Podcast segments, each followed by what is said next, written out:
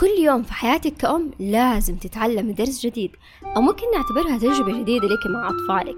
قد مرة فكرتوا إنه كل الأشياء اللي تمر فيها تأثر في أطفالكم؟ وفيكم كأمهات؟ في بودكاست أمومة في حلقة اليوم معايا أنا فاتن خالد حنتكلم عن موقف بيمر بيه كل الأمهات وهو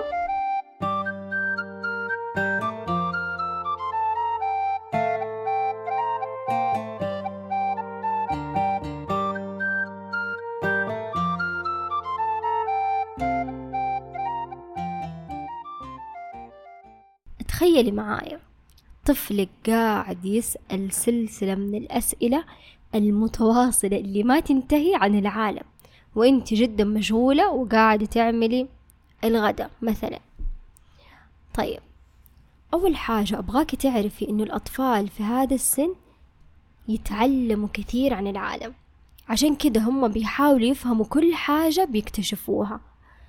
طريقة استجابتك لأسئلتهم اللي ما تنتهي تساعد في تشكيل فهمهم العميق. لدا العالم زيادة على كده لازم تساعدي وتشجعي على فضوله وعلى تنمية هذا الفضول. هو بيقول لك ماما ليش لون السماء زرقاء؟ وأنت بتفكري انه هو يبغى يجننك. وليش هو قاعد يسأل دحين أسئلة كثيرة أنت مش عارفة إيش إجابتها؟ هل ده الشيء حيكون له نهاية؟ طيب خليني أقول لك معلومة مهمة. في ذا العمر أدمغة الأطفال تكون أكثر نشاط من أدمغة الكبار بمقدار الضعف.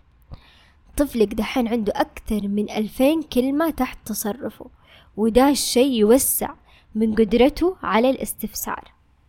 بمعنى أنه يقدر يسألك ستة وسبعين سؤال في الساعة. فيقعد يدور على أي معلومة وهو بيفترض طبعا أنه أنت عندك الجواب لكل سؤال عنده. أكيد التعامل مع كمية الأسئلة اللي ما لها أي علاقة ببعض شيء متعب بالرغم من أن كل الآباء والأمهات يبغوا يعمقوا فضول أطفالهم إلى أنه زي دي الأسئلة تكون مزعجة أحيانا. أحب أقول لك إنه ما في أي مشكلة من إنك تقولي ما أعرف. وإنكم ممكن تبحثوا عن الإجابة مع بعض.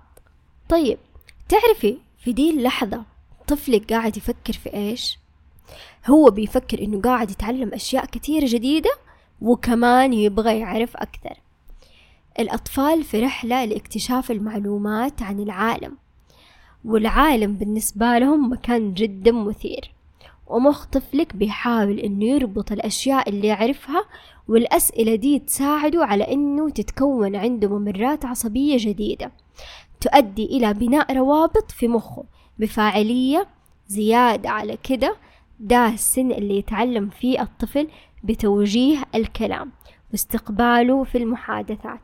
طيب خليني أقول لك في هذه اللحظة كيف ممكن تتعاملي مع طفلك.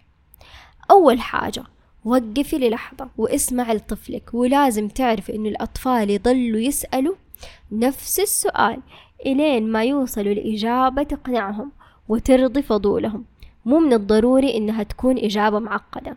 مثلا لو سألك ماما ليش البسة عندها شعر كتير ممكن بكل بساطة تردي عليه وتقولي له عشان يحسسها بالدفى.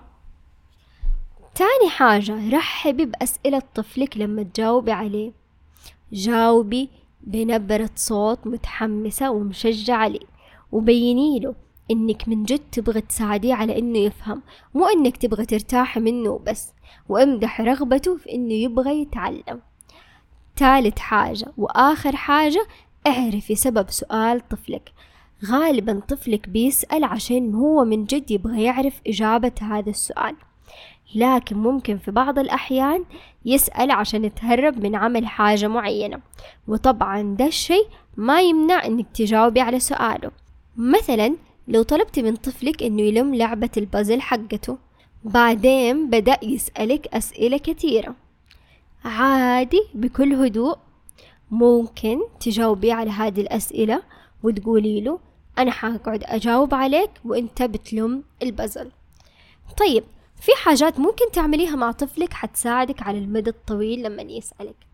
أول حاجة علميه يشغل عقله.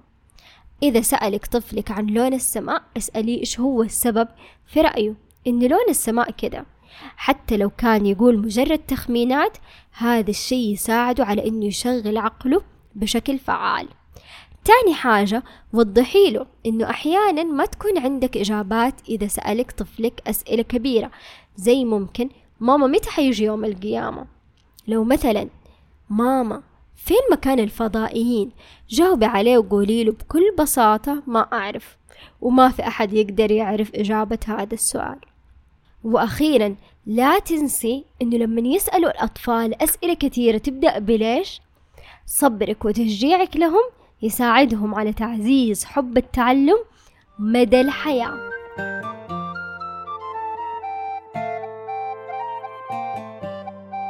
وطبعا لا تنسوا تتابعونا في مواقع التواصل الموجودة في صندوق الوصف وانشروا الحلقة لكل الأمهات اللي تتمنوهم يستفيدوا معانا.